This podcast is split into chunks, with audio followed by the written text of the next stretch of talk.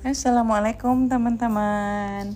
Lanjut lagi hari ke-23 Eh by the way ya hari kedua-dua kayaknya Amah lihat tadi kepotong ya.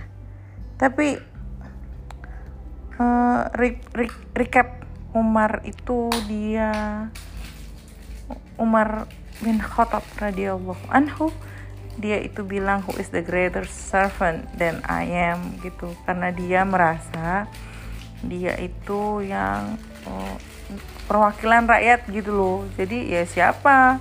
Siapa yang jadi servantnya kalau dari rakyat? Kalau bukan saya gitu loh. Thank you. Ya yeah, thank you so much bar. Nah lanjut hari kedua tiga the burden of caliphate wait Amalia perlu nanya Bara nih. Bara come here. Ini uh, kan khalifah itu uh, hurufnya C C A L I P H Khalif. Uh, Singular. What's the meaning of caliphate? Plural. Oh, it's pro plural. Artinya kalau ada tulisan bahasa Inggris uh, nih ya, Amalia sebutin bahasa Indonesia. C A L I P H A T. It means it's plural. Plural. Ah. Oh susahnya ya. Well, it can either be caliphate or just caliphs. Caliphs, ah itu dia ya. Uh, terima kasih Nuna. Jadi kita tuh tahu kalau plural itu ada s, semua yang ada s itu banyak ya.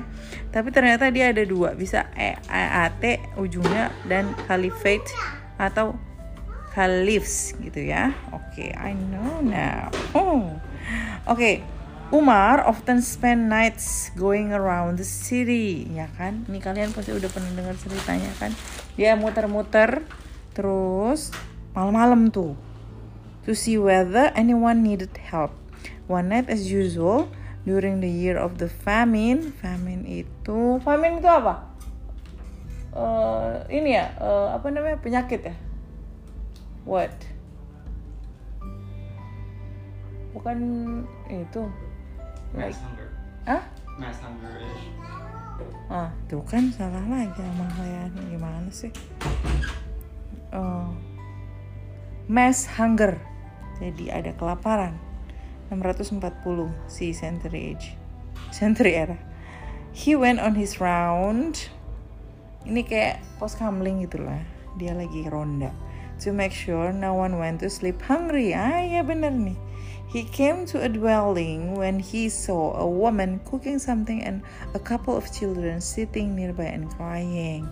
The woman told Umar, Yeah, and they had not had any food and to terima kasih sama-sama. To console the children, she was pretending to cook. Wow. I am pretending, dia bilang. I'm pretending to cook food, but it is just water and stones I'm doing this in the hope that they will get exhausted and go to sleep. Umar left immediately. Went to the went to the Bait al Amal nah the public treasury and put the necessary provision in a bag. He asked Aslam his slave to load the bag on his back. On his back. Aslam offered to carry it carry it for him. The caliph carried the bag himself saying on the day of judgment you will not be there to carry my burden for me.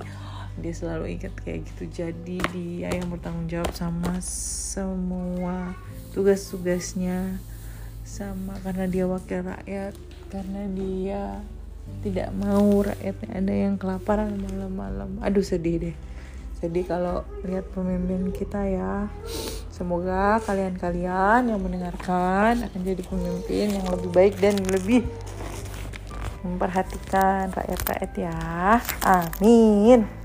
Nah, kita lanjut hari day 24. Usman Rich. Wah, ternyata kita sudah selesai dengan Umar yang penuh dengan oh, pokoknya dia itu high quality banget ya. Wow, pantesan aja ya uh, dia dijamin masuk surga ya kan? Oke. Kita hari ke-24. Eh, Amalia Oh iya ya. Apa dipisahin apa gimana ya? Atau biarin aja ya. Langsung aja ya. Oke, 24 siapa lagi? Ah, Crazy Rich. Arabic. Kalau bukan, yeah yeah. Mr. Usman the Rich, Usman bin Affan, ya. Usman bin Affan was born around 566 76 century era in Taif, six years after the birth of the Prophet Muhammad sallallahu alaihi wasallam. Nah, ini. Both his parents, Affan and Urwa, were distant relative of the Prophet. Usman received a formal education and was one of the few people in Makkah who could read and write. Oh, he's rich. He's he got the privilege, yeah. Hmm. Usman's father, a very rich merchant, died when he was just 20 years old. Aww. Usman followed his father' profession. His straightforwardness, nah, straightforwardness, maksudnya orang itu nggak pakai bahasa basi. Combined with his ability to trade, dia jago berdagang, soon made him the richest person among the Quraysh. Yo, he came to be known as Uthman Ghani atau Uthman the Rich. Oh, berarti kalau ada gani-ganinya tuh kaya ya. Nama-nama gitu. Abdul Ghani. Ah. Abu Bakr and Uthman were close friends, of course. When the Prophet Muhammad wasallam started calling upon people to shun idolatry and accept Islam, nih shun idolatry, nih shun itu maksudnya oh, nggak boleh lagi bikin idol-idol berhala itu di shun. Apa ya bahasa Indonesia nya aduh mama suka lupa nih. Maksudnya nggak boleh gitu. Usman was eager to know about his. He called and he called on Abu Bakar.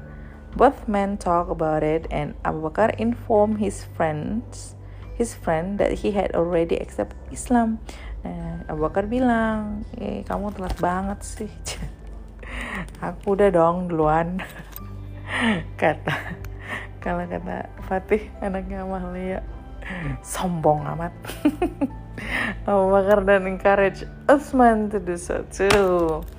Uthman had great admiration for the Prophet Muhammad and would often seek his advice. He went to see the Prophet, took the Shahada, and accepted Islam.